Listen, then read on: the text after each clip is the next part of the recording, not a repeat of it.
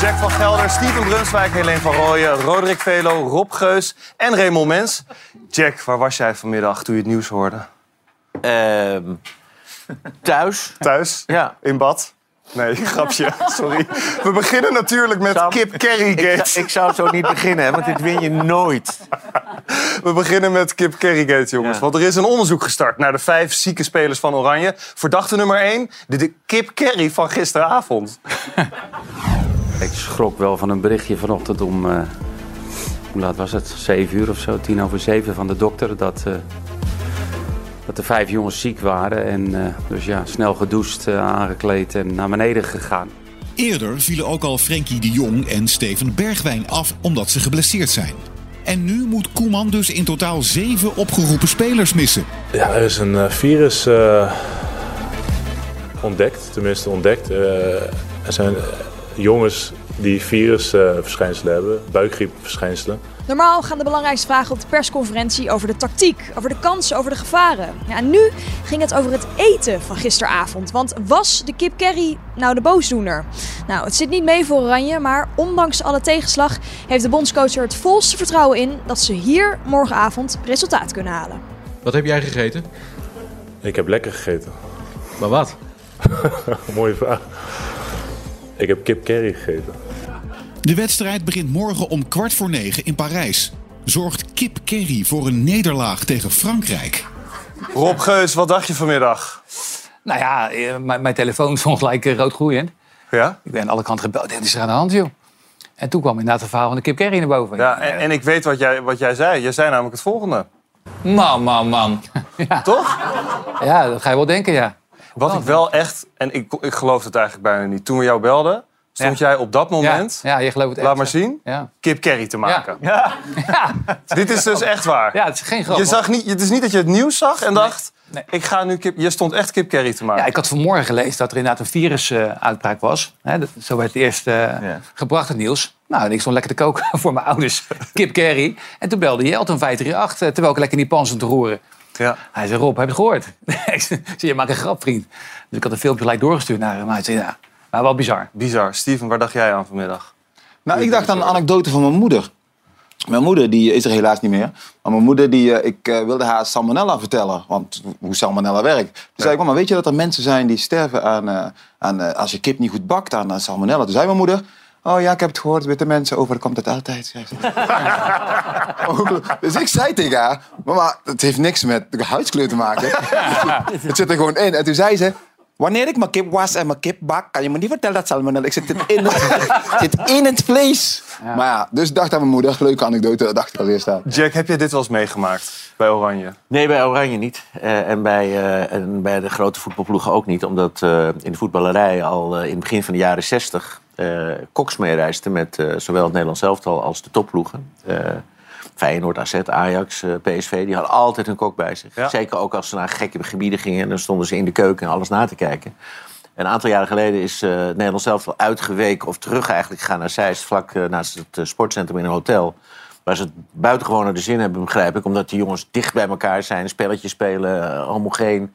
En neem ik aan ook normaal gewoon goed eten. Ja. Eh, daar waar ze eerst in Huis te Duin zaten en het echt eh, vijf sterren plus was. Maar daar is ook, was ook altijd een kok.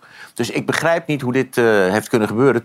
Te meer, daar, dat zei Ronald Koeman ook op de persconferentie... er op dinsdag al iemand van de staf was die een virus had. Toen was Die zich van- niet helemaal lekker voelde. Ja, maar toen was er van Kip Kerry nog geen sprake. Eh, hij voelde zich niet helemaal lekker, maar hij is wel meteen weggegaan. Ja. En nou goed, Rob, dat weet jij nog veel beter. Als die man een bepaald virus heeft... stel nou dat hij mensen een hand heeft gegeven... of dat hij misschien wel fysiotherapeut is...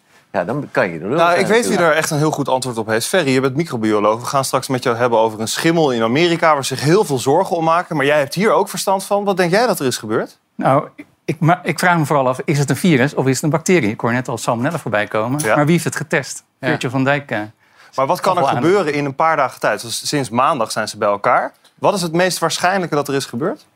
Eh, ik denk als ik het zo hoor, een virus, eh, een voedsel. Door een voedselvergiftiging, Ja. dus iets verkeerds gegeten. Dus toch die kip curry dan, Jack? Ja, dat kan. Dat, kan? kan. Maar dan had op dinsdag iemand eh, de, de... Was die ook ziek? Dat kan. Dat kan ook. Kan. Die heeft voorgeproefd misschien. Rob, hoe kan het mis zijn gegaan bij die kip curry? Ja, dat kan heel veel oorzaken hebben. We gaan dit helemaal uitdiepen. Oké, nou dan, eh, dan gaan we het waarschijnlijk uitlopen. Maar, nee. maar het is, kijk, het is heel moeilijk hè, vanaf de afstand te bekijken waar het fout gegaan is. Kip is een heel gevoelig product. Eh, daar moet je heel zorgvuldig mee omgaan. Eh, in het restaurant, maar ook zeker thuis. Was de eh, kip vers? Ehm, is er een goede verhitting uit plaatsgevonden? Is er geen kruipbesmetting eh, geweest tijdens het proces? Er zijn heel veel oorzaken waardoor je eigenlijk in de problemen kan komen met kip. Het is wel een risico dus eigenlijk als je dat transporteert. Ja, mijn vrouw zei, eet je vanavond nog voordat je een half acht gaat of daarna? Ja. Zei ik eet er wel naast, dus ik heb een heerlijk broodje kip gehad. ja, echt. Nee, maar jij hebt hier net gegeten hierboven. Ja, Wat ook- hadden we? ook kip. Ja, Ja, ja. ja. Ja. Maar het, is Zoveel wel heel, kip. het is heel vervelend voor deze jongens natuurlijk. Maar is het erg? Is het erg, Jack? Dat die vijf nu, er nu niet zijn? Oh, voor het elftal? Ja. dat is natuurlijk niet lekker. Eh, in eerste instantie eh, had je al te maken met de schorsing van Dumfries... dat wat een goede rechtsachter is. Dan Bergwijn en eh, Frenkie de Jong die geblesseerd zijn. Nou, Bergwijn is wat minder erg, maar Frenkie de Jong is wel erg. Dus je moet zeven mensen moet je eigenlijk Nou, nee, de- van deze vijf eh, waren er drie nieuwe jongens eigenlijk bij. Eh Gakpo zou denk ik gespeeld hebben. De Licht zou zeker gespeeld hebben. Dus dat scheelt wel. Aan de andere kant, als het dan een keer moet gebeuren in die kwalificatiereeks... die dus Ja. morgen begint voor het EK, is dit het beste moment. Liever nu Want van Frankrijk win je in principe bijna nooit. Die hadden we toch wel niet van. Nou ja, oké, misschien willen ze morgen. Die, je weet, instelling. nooit. Ja, lekker instelling, Ja, nee, maar dat is gewoon de realiteit. Is We de hebben nog nooit een belangrijke wedstrijd in Frankrijk van Frankrijk gewonnen. Eh, ze zijn vice-wereldkampioen. Ja. Eh, dus het zou hartstikke moeilijk geworden zijn. Maar het is voor Koeman, dat zal hij nooit toegeven... en het is ook best vervelend dat het nu gebeurt... ook wel lekker om een aantal jongens die je normaal gesproken... niet op Ja. dit niveau zou testen... nu te testen tegen een grote tegenstander. Ja, Dat is, weer- dat is weer de wie positieve denk kant en- We hebben nog een filmpje van eh, Koeman die vertelt wat hij dan verwacht van morgen. Nou ja, het is duidelijk dat, je, dat het misschien niet eh, het elftal is als je iedereen had gehad. Morgen, eh, daar zijn veranderingen, dat is logisch. Maar ik zie dat niet als eh, ineens eh, minder kans. Want voetbal is een raar spelletje. En ook met dit elftal wat morgen speelt, heb ik alle vertrouwen dat we hier een goed resultaat kunnen halen. Hij heeft nog wel vertrouwen. Zeker, nou ja, goed, wat echt ontbreekt is Frenkie de Jong... wat een, wat een absolute wereldklasse voetballer is... en die bij Barcelona ook op dit moment heel goed speelt. Die Ja. andere dingen kan dan anderen. Jij wilde weten wie er op Ja, eh, dat is- nou, Mbappé gaat spelen? Ja, Mbappé, dat is, denk ik, dat is de belangrijkste, denk ik. Ja, Die gaat die uitschakelen. Griezmann is, er is een lopen. Het is gewoon een heel goed elftal. Eh, ik denk dat Geert Ruida daar aan die rechterkant gaat Ja. Denk je dat hij, dat hij het eh, dat gaat denk aandurven? Ik, ja, dat denk En daarmee hebben we het studio sportblokje ook afgerond. Dankjewel, Jack. Ja, tot nu toe heb je er niets van begrepen. hè? Roderick, wat is er veel gebeurd in politiek Den Haag in de weektijd? Daar heb ik dan wel een beetje verstand Ja, het is fantastisch eigenlijk wat er afgelopen woensdag gebeurd is. En het heeft zo'n zijn uitwerking eh, deze week. Eh, er is, eh, iedereen is nerveus eigenlijk. De hele Tweede Kamer, eh, de coalitiepartijen. Wie, eh, gaan ze het redden samen? Fantastisch. Ontzettend spannend. We gaan naar Den Haag, waar de monsterzege, je zegt al, van BBB nog nadreunt. Maar bij die partij lijkt nu ook al het een en ander mis te gaan. Concerns are growing tonight over a deadly fungus that's been spreading across the U.S. Well, tonight, the CDC is warning that a drug resistant and potentially deadly fungus appears to be spreading at an alarming rate in U.S. healthcare facilities. A potentially deadly infection from a fungus is spreading. In de Dat Verenigde Caroline Staten... eh, over schimmelinfecties gaat, dat is natuurlijk niet waar. Zij gaat over de politiek. Ehm, we gaan nog een keer kijken naar wat daar dan misgaat nu bij BBB. Week na de glorieuze overwinning van de BBB heeft de partij de wind nog steeds behoorlijk in de zeilen. De verkiezingsuitslag is natuurlijk eh, wel duidelijk geweest. Na een lunch met minister-president Mark Rutte Ik denk voor het eind van het jaar verkiezingen hebben. en een afspraak voor een kop koffie met Frans Timmermans loopt de partij nu tegen de eerste problemen aan. Mensen kunnen helemaal in paniek raken, maar wij raken niet zo snel in paniek. In de eigen voorschriften staat dat niemand een dubbelfunctie mag bekleden. Maar de BBB heeft zoveel zetels gewonnen dat ze deze belofte niet kunnen nakomen. En nu gooien die toch de eerste principe alweer overboord. Ja, dat, is, weet je, dat vind ik zo'n gelul. Eh, weet je, zijn niet welkom binnen de partij. Dat is, weet je, daar is helemaal geen sprake van. Eh, we moeten gewoon kijken hoe we hier nu mee omgaan. Dat die zegen zo groot is geworden. Eh, hoe we dat dan wel gaan invullen en wat we dan wel gaan doen. In hoeverre kan Caroline van der Plas haar beloftes waarmaken? Ja, voor de duidelijkheid, wat is zo'n dubbelfunctie? Je mag dus in de praktijk en in de Tweede Kamer en in de Provinciale Staten en in de gemeenteraad en in een waterschap zitten. Dat mag in principe, maar wat zegt BBB? Weet je wat jongens, dat doen we niet, want we willen dat mensen zich op één taak kan, kunnen focussen. Dat ze niet hoeven te kiezen tussen vergaderingen, maar ze laten dat nu dus los. Nou, vooral ook omdat ze willen dat mensen eh, daarbuiten nog iets anders doen. Hè? Dus gewoon een normale baan hebben. Ja, het probleemgevalletje, zegt de campagneleider van BBB. Wat Ja. vind jij?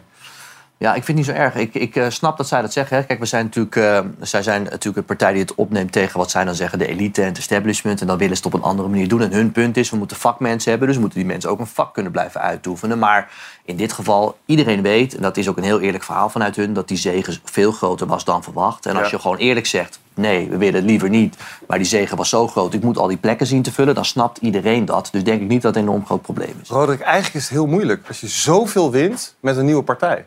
Om al die plekken te vullen dan in de provincie. Ja, dat is En- ook zo. Eh, ik, het wordt een beetje op, gehyped nu, eh, deze week. Het geldt voor alle winnaars trouwens, als dat eh, uit de verkiezingen. Mensen die, die kijken, die kunnen we zijn pootje lichten. En dat is inderdaad een, een manier om, om Caroline van der Plas en BBB een pootje te lichten. Ik bedoel, het is allemaal niet, heel erg groot. Wordt het groter gemaakt dan het is Absoluut groter gemaakt. Heb je het gevoel dat ze wel die beloftes waar kan maken? Nee, ik, ik, heb eh, de fractievoorzitter van deze partij, eh, mevrouw Laaggas, gezien bij, eh, bij Nieuwsuur. En die, die is volkomen duidelijk over dat zij compromissen sluiten. Ze weten heel goed dat ze in een democratie leven. Dat, je, dat ze niet de allergrootste partij van Nederland zijn geworden. Dus het is gewoon een partij die open staat voor afspraken. En dat is wat ze volgens mij voortdurend benadrukken. Helene, kijk jij ernaar uit als het land gaan regeren zometeen? Nou, dat niet echt, nee. Het is niet mijn partij. Dus ik Nee?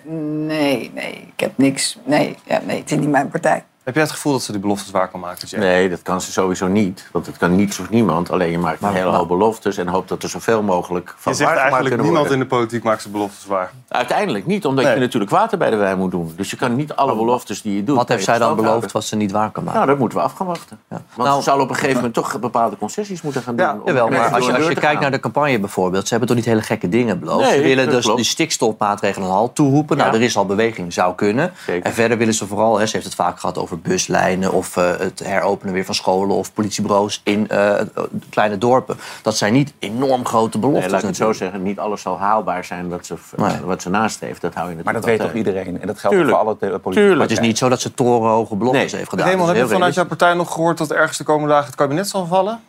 Eh, nee, dat heb ik niet gehoord. Oké, hebben we dat besproken? Eh, er is nog commotie over een column op Radio 1. Columniste Janneke Bijl die zei iets over die verkiezingsuitslag en de winst van BBB. En die column viel niet helemaal in goede aarde. Democratie schijnt de beste staatsvorm te zijn. En sinds woensdag besef ik pas hoe erg de rest dan wel niet is. Met zo'n uitslag begin je toch bijna te verlangen naar een dictatuur. Ik doe echt mijn best hoor om niet op de BBB-kiezer neer te kijken, maar ze maken het me zo moeilijk. Het is waarschijnlijk te kort door de bocht om deze groep mensen weg te zetten als dom, of zoals we dat tegenwoordig moeten noemen, anders intelligent. Leven in een democratie houdt blijkbaar in dat mensen zelf mogen kiezen voor hun eigen ondergang. Laat er alsjeblieft een goede dictator opstaan. Eentje die weliswaar de absolute macht heeft, maar daarbij niet afgaat op onderbuikgevoelens en angst voor verandering, maar op de wetenschap en de toekomst van de aarde, de dieren en de mensen die erop leven. Desnoods inclusief alle BBB-stemmers. Hoe heb je hier naar geluisterd, Roderick? Ja, dit is denk ik... Ja, het is niet goed bij de hoofd, zou je denken. Maar dat weet ik niet helemaal. Maar ze is in ieder geval buitengewoon intolerant. En dit is een idee. Ze, ze verlangt naar een dictatuur. Ze wilde eigenlijk de democratie afschaffen. Omdat er nu een partij is die gewonnen heeft waar ze het niet mee eens is. Eh, het is buitengewoon treurig. Waar komt het vandaan? Nou, ik denk dat er bij het eh, progressieve, linkse, tolerante eh, gedeelte van Nederland... dat daar toch echt wordt neergekeken op die boeren. Ik merk het in mijn eigen omgeving ook, in de stad zeker. Het zijn toch de boeren die de boosdoeners zijn. Dus daar, er is een, een dédain richting die partij. Het gaat niet alleen over stikstof. Het gaat natuurlijk over dat eh, dit kabinet, deze coalitie... eh, het contact met kiezers is kwijtgeraakt. En dat, st- daar staat eh, stikstof symbool voor. Dus dat is het, het grote verhaal. Maar ja, deze mevrouw... Ze is cabaretier, geloof ik, maar ik zag daar geen Ja, enkele ik humor staan. in. Ik denk, is dat een verkeerde Is dat een- is dat een ondertiteling? Ja, het had er niet moeten staan columniste, maar ik zag cabaretier. Ik denk, Ja. die zal volle zalen trekken. Steven, vind jij dat... je wil net zo net een slokje nemen. Bij mij, jullie komen bij mij. Geen, geen truc. eh, Vind jij dat columnisten alles moeten kunnen zeggen wat ze willen zeggen? ik denk het jongen, wel, toch? Ja, we mogen al zo weinig zeggen, weet je. Ja, ik, ik, eh, jullie bekijken natuurlijk vanuit het politiek oogpunt. Ik vind wel dat ze alles mag zeggen trouwens. Ja. Dat is prima. Ja, ja, deze dame... Natuurlijk verlangt ze niet naar een dictatuur. Dat is geen hogere wiskunde. Nee, natuurlijk verlangt ze. Dit is haar manier, wat wij dus doen, de grappenmakers, iets aan de kaak stellen als je het ergens niet mee eens bent. En dat doet ze nou ook, ja. Eh, Dus we kunnen er allemaal wel moeilijk om gaan doen. En Nederland Ja, is dat- weer ophef. Maar Dat ja, komt ook een beetje voort uit, want dat zat hier niet tussen, uit eh, emotie. Want zij zegt ook in dat stuk, ik heb het hele stuk bekeken, zij is een enorme dierenliefhebber. En zij noemt de miljoenen dieren die per dag... Ja, nou, dus, maar zij noemt de miljoenen dieren Jij die per slaapt dag ook met je worden- hond in bed, mafkees. Ja, dat is hartstikke gezellig. Dat hoorde ik gisteren. Dat vind ik zo Er is er niks mis mee, is toch leuk? Nou, ga ja. door. Ja, ja je gaat me heel snel op een Ja, ander ik had- nee, ik had echt- Maar ik ben inderdaad een dierenliefhebber. En zij is dat ook. En daar komt die emotie vandaan. Ik ben het niet met haar eens. Want ja, dat, dat hoef ik denk niet uit te leggen. Dat we in een democratie leven. En dat je dan ook een andere keuze kan maken. Maar daar komt die emotie bij haar vandaan. Wat ik me wel ook afvraag, want er zit natuurlijk ook een boodschap boven van ja, het klimaat. Als ik naar mezelf kijk, ik ben niet elke dag bezig met wat er over 40 jaar speelt. En wij met z'n allen leven misschien ook wel een beetje met de dag. En is de, de gedachte van dat je daarboven iemand moet zetten die zegt van ja, we, doen nu wat nodig is, is dat niet dan een hele gekke gedachte, Roderick, vind jij? Dat vind ik een hele gekke gedachte. Ja. Ja. Want ik, ik bedoel, eh, we- we- laten we de democratie die we hebben eh, koesteren. En eh, laten we gewoon ook accepteren dat mensen anders denken en anders stemmen. En dus, ehm, ja, Als- dit werkt ook even, niet zo. Hè? Maar als het stikstofprobleem, dat, als dat er Dan serieus is, dan zou...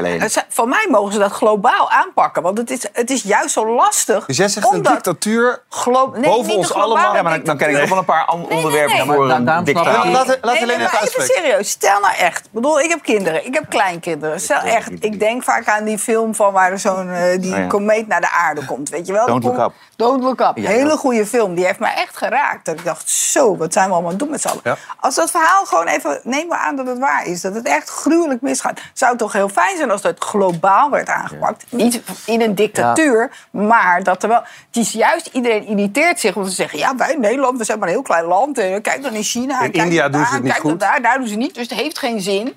En dat maakt het juist zo lastig. Het zou fijn zijn als dat globaal werd Centraal. Maar die rea- reactie die jij nu geeft, en trouwens ook die die eh, dame geeft, die zou logisch zijn als zij het volledig zouden ontkennen. Of, daar hebben we het eerder over gehad, als ze hele eh eh, BBB rare bedoel beloften je? zouden doen. Ja, maar dat doen ze Nee, helemaal nee, maar het is niet anti-BBB. zelfs- nee, maar Nee, het heeft niks met de BBB Maar te zelfs het maken. stikstofprobleem wordt niet ontkend. Er wordt alleen gezegd, kan het wat rustiger. Het gaat niet om of ik het er wel of niet mee eens ben. Het gaat erover dat er wordt niet, een, zoals in die film die jij Nee. noemt, iets ontkend wat er is. Er wordt alleen gezegd, kan- kunnen de Ja, maar maatregelen dat- wat meer uitgespreid worden. Ja, maar alle wetenschappers zeggen... nee, het kan niet rustiger. Het, eh, hoe langer we wachten, hoe erger het wordt.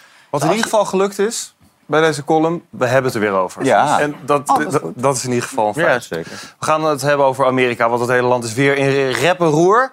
Dit keer door een gevaarlijke schimmel. En dat terwijl we net corona achter de rug hebben. Concerns are growing tonight over a deadly fungus that's been spreading across the U.S. Well, tonight, the CDC is warning that a drug resistant and potentially deadly fungus appears to be spreading at an alarming rate in U.S. healthcare facilities. A potentially deadly infection from a fungus is spreading. In de Verenigde Staten worden de zorgen elke dag groter. And the New York State Health Department has seen about 1,500 cases here in New York. Bij serieliefhebbers gaat er meteen een belletje rinkelen. In The Last of Us zorgt een schimmel ervoor dat mensen veranderen in zombies. I think what really impressed him was the fact that I didn't turn into a monster.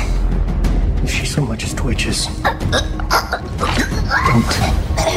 Dit zal niet gebeuren, maar de schimmel brengt wel gevaren met zich mee. The fungus is more likely to affect people who have serious medical problems, weakened immune systems, and people with medical devices going into their bodies, like breathing tubes or catheters. Het RIVM maakt vandaag bekend dat ze voorbereidingen treffen voor een mogelijke uitbraak in Nederland. Hoe gevaarlijk is de schimmeluitbraak? Ja, Raymond, je hebt weer alle televisiekanalen gevolgd vandaag in Amerika. Is er nog laatste nieuws? Eh, die heb ik gevolgd, maar die gaan vooral over Trump, eh, moet ik heel eerlijk Oh. zeggen. Maar dat terzijde. Ehm ja, er is laatste nieuws, maar dat staat eigenlijk keurig in jullie eh, overzicht. Dat eh, het Amerikaanse RIVM, de Center for Disease Control, zegt... eh, we hebben allemaal die serie The Last of Us gekeken op HBO. Hele goede serie, maar zo erg is dit niet. Dus ze willen eh, eh, mensen die denken ook dat ze die schimmelinfectie hebben... vooral ook geruststellen, u gaat er niet altijd dood aan. En, u niet altijd. Niet altijd. Maar dat is een hele geruststelling. Ja, wel heel veel. Kerry is het heel ding. Nou, het is meer dat heel veel mensen zich nu melden en zeggen... volgens mij heb ik... En zeggen die mensen, nee, dat is niet zo. U heeft naar die serie zitten kijken. Maar het is wel zo dat de mensen die het hebben... dat het heel snel toeneemt. En dat het nu in de helft van de Amerikaanse staten aanwezig is. Maar het laatste nieuws is dus dat ze zeggen van... kalm aan, eh, als u jeuk hebt, u heeft niet meteen die schimmel. Ja, en iedereen belt. Ferry, microbioloog. Hoe kun je deze schimmel dan oplopen? Wat kan er gebeuren? Deze schimmel eh, ja, lopen op in een ziekenhuisomgeving. En we weten eigenlijk helemaal niet waar deze schimmel, Candida augus heet hij, vandaan komt. Dus compleet onbekend. En hij kan ook overal in zitten. Hè? Dus hij kan in het bed zitten. eh, In, ja, ik zie Jack kijken. Nee, nee, maar ik kijk jou geïnteresseerd aan, dat ben je niet gewend. Ga door. Hoeveel mensen, hoe groot is het op dit moment? Nou, in Amerika is het een groot probleem, maar ook buiten Amerika is het een groot probleem. Vooral in de minder ontwikkelde landen zien we enorme uitbraken van deze schimmelinfectie in ziekenhuizen. Ja. Ehm, en ja, binnen Europa, in Nederland, is het eh, niet echt een groot probleem. Dus er zijn vijf gevallen bekend van eh, een Candida augus infectie. En vijf op zichzelf staande En hoe gevallen. besmettelijk is het? Het is wel heel besmettelijk. Dus als een ziekenhuiskamer, eh, ja, als daar Candida augus op een bedrand zit of op een deurklink, is het heel makkelijk van de deurklink naar de volgende ruimte te brengen. Ik zie Jack krabben nu. Achter, ik, zie, ik zie jou net krabben, hè? Heb jij iets achter je oor zitten? Ja, een bos bloemen. Maar Maar, maar hoe, hoe snel ga je eraan dood? Dat willen we gewoon weten. Nou, schimmelinfecties prima. komen, dit soort schimmelinfecties Lekker komen voor bij patiënten die al in het ziekenhuis liggen en al een, een verminderd syste- eh, immuunsysteem hebben. Eh, dus die zijn er heel erg vatbaar voor. We worden geen zombies, toch? Maar, Nee. We worden geen zombies. maar is, er een, is er een medicijn voor? Is er iets tegen te doen? Ja, er zijn wel eh antischimmelmiddelen, eh, maar het arsenaal wat beschikbaar is voor ziekenhuizen is vrij beperkt. En deze schimmel die is al van nature resistent tegen bep- eh, bepaalde antischimmelmiddelen die we gebruiken. Ja, dat is dus wel jammer. Dus En is iedereen, iedereen begint jeuk? gelijk te denken aan die corona. zo? Het is, Is, het is is het jeuk. jeuk, inderdaad? Maar ik wil even een vraag stellen, Jack. Want iedereen denkt gelijk aan die coronapandemie. Hoe, hoe kan dit eindigen? Hoe groot kan dit worden uiteindelijk? Ook Nou, hier in Nederland? In Nederland kunnen, of nou ja, wereldwijd kunnen er ziekenhuisuitbraken ontstaan. En die wil je ja, onder controle krijgen. Want eh, zo'n schimmelinfectie zorgt ervoor dat de patiënt overlijdt. Terwijl die mm, Dus het toch. gered zou kunnen hebben eh, als die schimmel Ja. niet in beeld was Ja. geweest. Ehm, dus ja. Goed dat er nu maatregelen worden genomen hier eh, door het RIVM? ja, ik vraag me wel af welke maatregelen. eh, want dat is mij onduidelijk geworden uit. eh, Hebben ze nog niet bekendgemaakt? Nee, maar waar ik zou, aan zou kunnen denken is een betere monitoring van welke schimmelen, eh, ja, resistente schimmels er in Nederlandse ziekenhuizen eh, voorkomen. Eh, dat weten we eigenlijk eh, niet heel goed. Toch wel veel onduidelijk. Maar hoe weet je dat je het hebt? Is dat echt inderdaad jeuk? Of hoe werkt dat? Of zie je het? Of wat is het? Ik denk niet dat patiënten die dit hebben, eh, weten dat ze het hebben. Want die zijn al zo ziek, die liggen vaak op de IC-afdeling. Eh, en het duurt ook een tijd voordat die schimmel... eh, ja, Kan het ook muteren dan zo? Dat, dat, Sorry? Kan het ook muteren? Zo, dat die, dat, Dat is precies het probleem met deze schimmel. Dus als je hem eenmaal in je bloedbaan hebt en je wordt behandeld met een antischimmelmiddel, kan het zich daar heel snel aan aanpassen. En dat is precies wat er in de VS, eh, waarom het zo'n Ah. groot probleem in de VS is. Eh, er zijn daar al heel wat gevallen bekend van patiënten die overleden zijn, omdat Candida augus zich zo snel aan allerlei middelen heeft aangepast, dat het onbehandelbaar is. En waar komt het vandaan? Dat is totaal onbekend. markt in China? Markt in China, Nou, dat is Schrik je een duidelijk zoekpunt, zeg maar. Nou Ja, ik schrik er niet zo eh, heel erg van, omdat ik, als ik het goed begrijp, moet je wel al echt heel ziek zijn voordat je er last van krijgt, zeg maar. Het is niet dat je hier zomaar aan tafel eh, gaat omvallen. Dat geldt voor de meeste eh, ja, Schimmels. schimmelinfecties. Ja. Ja, nou, dankjewel in ieder geval voor de uitleg, Ferry. Nog best wel veel onduidelijk dus ook. Maar vooralsnog onder controle hier in Nederland. Eh Roderick, je hebt jarenlang op een eh, kantoor gewerkt. Ja, Bij. RTL Nieuws. Ja. Maak je dan ook altijd van die typische kantoorhumor mee? Nou, eh, b- bij RTL ging het natuurlijk bij het koffiezetapparaat altijd over onderwerpen. Journalisten praten over onderwerpen. Ik weet het, was daar heel saai altijd. Nou, vond ik niet. Maar Oh, vond ik wel. eh, Wat, wat je daar wel merkte, sinds toen Jiske Vet met de eh, kantoorhumor van uh, crediteuren kwam. Ja. Ik was even kwijt wat je nou zei. Maar goed. Nee, ik, het was, ik, ik moet eerlijk zeggen, het was wel heel serieus op, op onderwerpen altijd. Het werd Bij RTL? Bij RTL, ik heb natuurlijk ook gewerkt. Ja, oké, goed. Maar dat is Maar toen deze drie man op televisie verschenen, met de echte kantoorhumor... Ja. toen gingen wij dat overnemen natuurlijk, net zoals eh, alle kantoren in Nederland. Ja, dus we ja, deden ja, ze ja. gewoon na. Dus de kantoorhumor, als ze er niet was, ontstond vanzelf. Ja, heerlijk. We gaan het hebben over Nederlandse kantoor, kantoorhumor. Want er is een nieuwe serie. En dat is eigenlijk een soort combinatie tussen Toren C en Lord of the Rings. Elke keer als iemand een lidwoord zegt, dan moet ik een shotje nemen. Hallo? Ik kan, jullie, ik kan jullie wel zien, maar ik hoor jullie niet. Alles moet wijken voor het gilde van mijn man. Het gilde van de gulden draak. Even kijken hoor. Ik zag het gilde van de gulden draak. Zo, zo weten jullie toch? Fakka broeders, ja, het is weer tijd voor een korte update. Oh ja, deze voor je. Zie je nou, het is een management dingetje. Oh, jij krijgt er subsidie voor. Jack, ben je hiervoor gevraagd? Nou, als ik gevraagd zou zijn om... Ik, ik, zou, ik, ik kan hier niet naar kijken. Nee, ik heb namelijk, we, zijn, we hebben wat eh, beelden. Er is wat opgedoken. Een plaatje. Van mij weer? Nou, hier Shrek, Shrek van Gelder. Nou, maar hier krijg je me niet kwaad mee. Want, eh, want mijn eh, kleinzoon, die is inmiddels eh, bijna 16. Die was, die, die was een jaar of tweeënhalf. En toen eh, kreeg ik eh, mijn schoondochter aan de telefoon. En mijn, zoon, zijn e- mijn kleinzoon zijn eerste woorden waren zo'n beetje... althans wat ik me herinner... Opa, opa, ik heb je net gezien bij Albert Heijn. En toen zei ik, nee, opa is thuis. Toen zei hij, nee hoor. En toen liet mijn schoondochter dus dit zien. Dus hij heeft al van zijn, af zijn tweede geen zakgeld gehad. eh. Nee, ik kan hier erg om lachen. Ik kan hier echt erg om lachen. Maar ik hou Dat wel van humor. wel? Ik hou wel van humor. Ja, Steven, jij, jij, jij moest hier ook op lachen.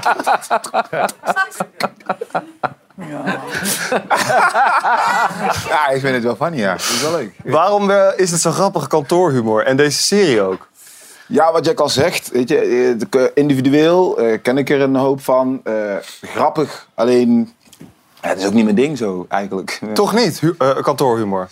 Nee, nee, in Nederland zoeken zoveel achter comedy, achter humor. Het Nou, maar. Jessica Vet, debiteur, de editeur, was toch echt wel voor de Ja, jawel, jawel. Maar dit is Torre C ook heel ja. funny. Is toch leuk? Ja. Jawel, maar Torre C vond ik niet... Dat was dat echt kantoorhumor. Nou, En die. Office. Ja. Die Office vond ik ook heel funny. Of, of, of, of, Maar wat vind jij echt leuk dan? Wat ik echt leuk vind. Ja, want ik dacht dat jij Nou, wel ik, van humor ik maak is. het nooit te ingewikkeld. Weet je, ik hou gewoon van Ja? simpele, herkenbare humor. Als ik humor zie, dan is het vaak of het is heel herkenbaar. Dat is met kantoorhumor natuurlijk ook het geval. Nou, ik heb nooit op een kantoor gewerkt. Nee, dus voor jou misschien niet. Nee. Zijn Nederlands, Nederlanders echt van de grove humor ook? Past dat heel erg bij onze Dat cultuur? denk ik wel. Alleen, ja, humor hoeft niet per se grof te zijn. Ik weet niet waarom eh, per se dat grove moet. Het was, vroeger was het een hofnar. Hè? Dat was dat hulpje van de koning. En dat, niemand keek er naar om. Maar ah, die is grappig. En nu moet er een rode draad in. Er moet een diep, diepgang. Waar welk publiek wil je bereiken? Ik kom gewoon om te lachen. En waar hij het over heeft, boeit me niet. Het moet gewoon grappig zijn. Waar hou jij van, Helene? Ja, ik, ehm, ik ben sinds kort aan het fitnessen. Ja. En ik ver- ver- verdiep me Daar straks fitness. beelden van gaan we straks over Ja. Maar ik heb, dus op mijn Insta komen er allemaal dingen boven. En toen zag ik iets van eh, Henry van Loon en eh, Bram Krikken. Maar die doen iemand na. Die doen Joël Joe Beukers, Beukers na. na, Dat ja. is een fitnessgoeroe. Dat is echt een beest. En zij doen hem zo hilarisch na. Of althans, Henry doet hem heel hilarisch. Daar gaan we naar dat kijken, vond ik echt kijken. grappig. Mensen vragen mij, eh, ben je nooit eh, zat van de gym? Ga je nooit, eh, nee, elke dag pompen. Kom dit krijg je als je naar de gym gaat. Niet inkakken. Ga naar de gym. Kom op. Kom op. Je wil dat het pijn doet, je wil dat het scheurt, dat het kapot gaat. Dan pak je je eiwitten, bouw je het weer op. Zo word je sterker. Als je hier staat, let op je posture. Ga recht staan. Kijk eens, boom. Scheelt 10 centimeter. 10 centimeter. Kleine piemel. Oh, ik ben Bram. Oh, ik ben Bram. Ik ben heel dun. Ik kan niks. Hup, ga eens recht staan. Boom. Ik neuk je vrouw. Maar dit is funny. Dit is funny. Dit vind ik funny. Omdat het herkenbaar is. Je? Het is, ja, Maar ik de- kende Joel Beukers helemaal niet. Maar door dit filmpje? Door dit filmpje Ja. leerde ik Ja, hem. Ik ging helemaal stuk.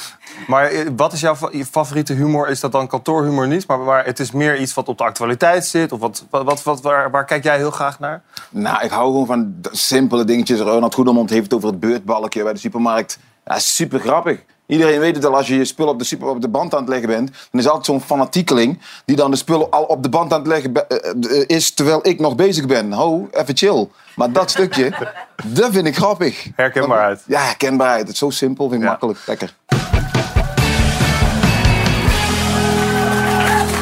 Welkom terug bij half acht. Raymond, fijn dat je er bent. Ik zag net in de reclame, ze hebben hem opgepakt, Trump. Ja, het zijn nepbeelden waarschijnlijk. Nee, ik probeer, ik probeer even te testen of je scherp bent. Ik ben scherp, ik ben Nee. scherp. Ze Ik heb hem ook opgepakt zien worden, maar dat waren dus nepbeelden. Ja, dat waren netbeelden. Maar we wachten al de hele week op, op die arrestatie. Hoe kan het dat het nu steeds maar nog niet gebeurt? Dat zal ik jou vertellen, omdat eh, Trump waarschijnlijk berichten heeft gehad al een paar, vorige week of zo, dat er mogelijk een aanhouding aan zat te komen. En Trump dacht, nou weet je wat, dan ga ik er met gestrekt been in en dan ben ik ze voor. En Trump heeft toen gezegd, van het weekend, dinsdag, afgelopen dinsdag, word ik gearresteerd. Dat is dus niet gebeurd, maar daarmee heeft hij eh, het Openbaar Ministerie in New York eigenlijk voor het blok gezet. Omdat de hele wereld nu afwacht wanneer wordt hij gearresteerd. Maar misschien hebben zij het hele onderzoek nog niet afgerond. Dat weten we niet. Eh, dus Trump heeft eigenlijk een beetje die spelregels bepaald. En daarmee het frame ook neergezet van ze proberen me te pakken. En nu eh, zit vervolgens eh, die meneer daar in New York uit zijn kantoor te kijken. En staat de hele wereldpers daar. En vraag jij bijvoorbeeld van waarom duurt het nou zo lang? Terwijl die man denkt, ja dat komt door Trump. Want die heeft voor zijn beurt gesproken. Het gaat allemaal om een affaire tijdens eh, verkiezingstijd. Eh, die, vrou- die vrouw die is uiteindelijk omgekocht. Eigenlijk was het een soort zwijggeld. Met, met, met, met geld uit de partij is dat gebeurd. Nee, eh, privégeld van Trump. Oh, Eh, maar. Trump heeft dat wel betaald. Tenminste, dat is de beschuldiging. Omdat hij natuurlijk niet wilde dat vlak voor de verkiezingen van 2016 dat naar buiten kwam. En als dat zo is, dan zegt men... Nou ja, dan had je dat moeten melden bij de campagnecommissie. En een mogelijke verdediging van Trump zou kunnen zijn dat hij zegt... nee hoor, heeft niks met de verkiezingen te maken, is gewoon een privézaak, bijvoorbeeld. Wat is er vandaag gebeurd? Eh, niet veel. Eh, er zou vandaag bij het, ministerie, of bij het eh, eh, Openbaar Ministerie in New York een vergadering zijn. En daaruit concludeerde de pers dan weer dat daar dan uit zou kunnen komen. We gaan Trump vervolgen. En dan komt er een persbericht en dan weten we dus meer. Maar het laatste nieuws is dat dat er niet meer gaat komen vandaag. Dus dan zitten we waarschijnlijk weer in volgende week. En denken wij dus met z'n allen. Jezus, wat duurt dit lang? Maar dat komt dus door Trump. Want dat Openbaar Ministerie in New York heeft nooit iets naar buiten gebracht van dat ze dat zouden doen. Heeft hij het slim gespeeld, Roderick? Nou, ik denk het wel. Maar wat mij vooral opvalt is niet alleen dat... Wil jij zegt van eh, Trump heeft het zo georganiseerd. Maar Ja. je ziet ook hoe happig die media zijn. Want ik heb vandaag eh, ook beelden gezien van het Openbaar Ministerie daar in New York. Daar staan inderdaad rijen met camera's. En het is denk ik ook wel weer dat die, ehm, ja, dat die media denken van... Ha, fijn, we gaan weer een Trump-verhaal brengen. Want het gaat inderdaad ja, bijna over, het is klein bier. Maar eh, dus die, die, al die ehm, eh, televisiestations die zien weer kijkcijfers en die eh, springen daar bovenop. Het is eigenlijk weer zoals het was tijdens zijn presidentschap. Als hij En dat straks is aan- dus goed nieuws voor Trump. Ja, als hij straks aangehouden wordt, gaan we dat dan helemaal van begin tot eind meemaken? Gaat hij dat dan ook weer uitbuiten? Met dat, dat moment? Jazeker, want anders had hij dat bericht ook niet verstuurd. Eh, kijk, hij zit een beetje in een tweespot. Aan de ene kant wil hij dit liever niet. Want aangehouden worden betekent ook je vingerafdruk geven. Zo'n foto maken. Waar je er niet al te florisant op staat. Een mugshot inderdaad. Eh, maar hij heeft dus nu gekozen voor de vlucht naar voren. En, en waarom doet hij dat? Want eh, Roderick zegt terecht, het gaat om klein bier. Hè, dus het verkeerd noemen van die campagneuitgaven. Of niet, geen campagneuitgaven, daar gaat de discussie over.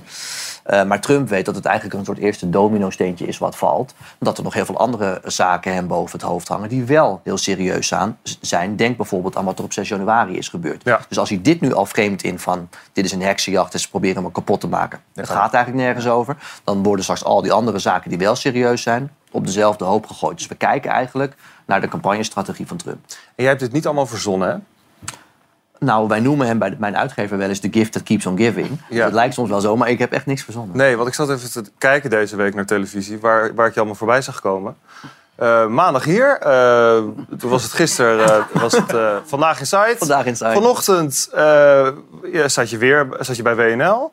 Ehm, en vandaag weer hier. Ja, en je jullie- draagt jullie- vaak dit paarse jullie- truitje. jullie nodigen mij uit. ja, de- maar wacht even, die, Hij is die, gewoon een mensenmens. Hij is gewoon een mensenmens. Ja, maar ik ben wel heel blij dat je er bent, hoor. Nee, graag gedaan. Heel fijn. Helene, Maar wat, zie- wat er een vraag is- Oh, sorry. Ja? ja? Maar hij ja. steekt zijn vinger ook, dan mag het. Ja, dan mag het.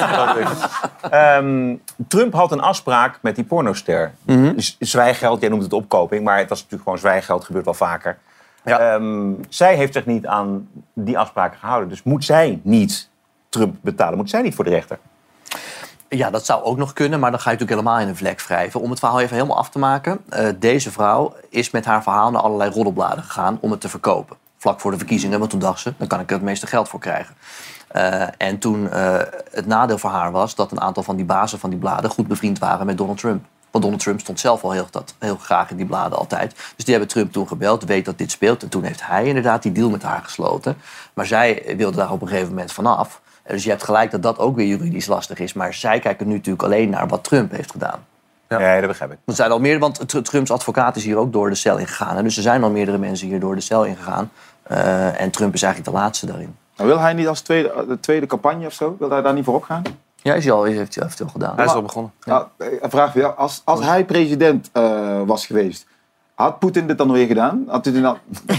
Dat, weet, dat, is wel we. een heel andere...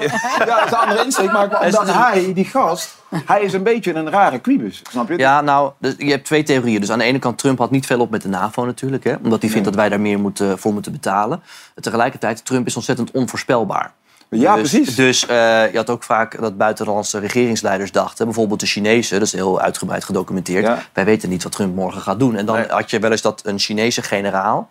een direct lijntje had met een Amerikaanse generaal... van hey, Trump gaat toch niet morgen op de knop drukken? Hè? En dan zei hij, nee, nee, nee, dat komt goed. Dus hij was ook heel onvoorspelbaar. Dus het is niet te zeggen of dat wel of niet was gebeurd. Het is te makkelijk om te zeggen... bij Trump had het nooit gebeurd... of bij Trump had het zeker wel gebeurd, weten we. En volgende week waarschijnlijk die aanhouding. Helene, wat zie je er goed uit? Misschien. We hebben beelden van jou.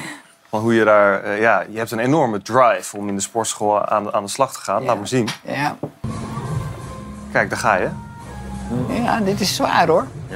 dit is serieus zwaar. De- de- ik doe dit nu dus vijf weken. En de eerste week kon ik alleen maar hangen aan die stang. En dacht ik, En hoe, krijg hoe krijg ik ooit mijn been omhoog? Maar nu eh, lukt Maar dit, is het serie, wel dit, ziet, er dit ziet er goed Ja, uit. tien keer. Maar waar komt die motivatie vandaan ineens? Nou, ik ben een boek aan het schrijven. En dat ben ik al een jaar aan het doen. Het, het nadert zijn einde, godzijdank. Maar ik... En dan zit je eigenlijk de hele dag achter je laptop. En dan zitten er schaaltjes chips naast en schaaltjes drop. En je beweegt heel weinig, je eet veel. En dan langzaam maar zeker denk je... Goh, al mijn kleren gaan een beetje strak zitten. En dat vond ik niet zo leuk. En het sport was een beetje uit mijn leven gegleden door dat boek. Want ik Ja. deed wel veel tennis en ik liep veel en zo. Maar dat schoot er allemaal een beetje bij in. Dus toen dacht ik, ik moet weer, ik moet sport, beweging, gezonde voeding weer terug in mijn leven brengen. Dus ben ik een programma gaan doen wat Steven toevallig ook heeft eh, gevolgd. Zelfs programma. Dat is te zien. Maar het is, elk programma helpt. Het is niet één Zijn er al veel kilo's programma. afgegaan? Ja, er zijn veel kilo's afgegaan. Ik ben nu 62,5 kilo. Maar dat is inclusief mijn implantaten. Dus eigenlijk ben ik... eigenlijk ben ik... eh, Eigenlijk 52. 61, 61,7. Dus Onder de indruk, hè? Ja, vind ik knap. Maar wat is dat voor programma, jongens? Het is gewoon een sportprogramma en een voedingsprogramma. Dus je hebt twee apps, eentje met sport, eentje met voeding. Voeding is het belangrijkste. Dat wil ik 80%. heel hard Ja? zeggen. Ja, dat, Jij houdt het nooit vol, maak nee. Nee, maar dat is het. Bedoel, het Met al die kip curry, hè, Jack? wat eet je niet meer? Niks. Ah, ik eet alles, alleen minder. Dus je, eet, je krijgt wel gewoon je eiwitten, je vetten en je koolhydraten. Het is niet keto, het is niet low carb. Het is gewoon eten alleen minder. We vonden een, een foto van jou van de Playboy in 2006. Roderick? van Roderick, nee. Prachtige foto van Ja, jou, dat Helene. was nog met mijn kleine borsten. Maar, Maar is het tijd voor vernieuwen? Nou, ze hebben letterlijk vanmiddag gemaild naar mijn eh, PR-manager of ik weer, Of je weer een keer of wil. ik weer wilde. Want dit is 17 jaar geleden. En ga je het doen? We, nou, weet, daar moet ik nog even over nadenken. Weet ik niet. Ja, als, je, als jij nu zegt dat je het doet, dan hebben we morgen de krantenkoppen dat Helene van Rooyen weer in de Playboy komt. Ja, maar daar, moeten we eerst even onderhandelen over bedragen. Oh ja, dat maar daar komt ze uit, hoor. Daar komt ze wel uit. Nou, dat weet je niet. Ik maar wil- het ananas-dieet is het beste. Ananas-dieet? Ja, eh, ik eet alles behalve ananas. is dit nou? Hey, Helene, ik wil het nog met jou hebben over een, Ja. over een nieuw onderzoek. Een, een wetenschappelijk tijdschrift Ja. heeft onderzoek gedaan eh, nou, naar seksualiteit. En wat blijkt nou uiteindelijk? Het, het libido van een vrouw, dat neemt af op het moment dat je veel huishoudelijke taken doet. Dus je hebt een lager libido hoorde dat. als je veel stofzuigt, eh, de was doet. Ja, en je man dat vooral niet doet. Ja. Dat was volgens mij... Ja, ik vond het een beetje gek onderzoek. Kan me- Waarom? Nou ja, dit, ik vond het een beetje vergezocht. Van, dus als jij veel huishoudelijke taken doet en je man niet... dan neemt je libido af. Ik weet niet. Ik kan me er wel iets bij voorstellen. Maar Ja? hoe gaat het bij jullie thuis dan? Nou ja, Bart doet wel heel veel in het huishouden. dat dan weer wel. Maar En jij hebt een hoog libido. Dit bewijst dan toch weer dat dat onderzoek nee, want kijk... eh, Maar zijn er mannen die in het huishouden niets doen? Dan, dan kan ik toch niet voorstellen dat je, dat je in je dat je niks doet als man. Niks gewoon. Wat doe jij allemaal? Goh, heb je even? Ja. Heel veel. Vertel. Nou, de was. Waarom lach je me uit? Sorry, je begint nu aan een opsom. De was, ja? Ja, Ja, maar. ik doe, nou, ik ga hem niet meer opzommen. Maar ik doe veel in ieder geval. Stofzuigen ook? Stofzuigen ook. Nou, liever vegen. Ik vind vegen zo relaxed. Zo lekker. Heerlijk. Lekker Ja. vegen. Kun jij het je voorstellen dat het libido van vrouwen omlaag gaat als ze veel in het huishouden moeten doen? Zeker, dat snap ik heel goed. Je zult maar kinderen hebben. Twee of drie van die rotzakken die rondrennen. Dan moet je aan het einde van de avond moet je een beetje aan de slag. Omdat meneertje zin heeft nadat, je, nadat hij hard gewerkt heeft. Maar dan komt het. Zij heeft ook hard gewerkt. Alleen dan wordt een beetje ondergesneeuwd. Snap je? Ja. Dus ik snap heel goed dat de vrouw zegt, ja, zoek het maar uit. Jack, jij doet niks thuis. Eh, eh, nou, ja? inmiddels wel. Oh. Eh, maar niet toen ik eh, nog vol in het arbeidsproces zat. Dan deed ik heel erg weinig thuis. Nee, maar dat is Maar- iets voor te zeggen. Maar inmiddels lange- doe ik wel het een en ander Ja. in huis. We gaan het hebben over... Maar, oh, oh, oh, je libido neemt toe. Dat is ook een goede tip voor Ja? vrouwen. Als je dus krachttraining gaat doen. Want dan krijg je meer testosteron. Heel goed. Dan heb je meer zin. En dan voel je je lekkerder in je lichaam. Dan denk je, hoe, kom maar Dat is door. sowieso goed om goed te Sowieso goed om te Precies. doen. Jongens, we gaan het hebben over drones. Want vroeger leek dat een klein hebbedingetje, maar tegenwoordig is het wel anders. De technologische ontwikkelingen die gaan zo snel dat we er straks, ja, ik denk misschien wel allemaal mee te maken krijgen. Drones die pakketjes bezorgen of medicijnen van A naar B brengen. Mensen die op vliegende motoren stappen. Niets is ondenkbaar tegenwoordig. Deze week wordt in Amsterdam gefantaseerd over de taxi-drone tijdens een special event. Het lijkt toekomstmuziek, maar in Dubai wordt hier zelfs al mee getest. Over twee jaar wil de organisatie van de wereldtentoonstelling in de Japanse stad Osaka personen per drone vervoeren. En ook Frankrijk heeft interesse. Tijdens de Olympische Spelen wil het land ook vliegende taxis inzetten. Hoe gaan drones ons leven veranderen? Erik, je bent helemaal gek van drones. Je bent ook naar die beurs gegaan. Maar wat we nu zien, wat vind jij, wat we in dat filmpje ook net zagen, wat vind jij de meest opvallende dingen daaraan?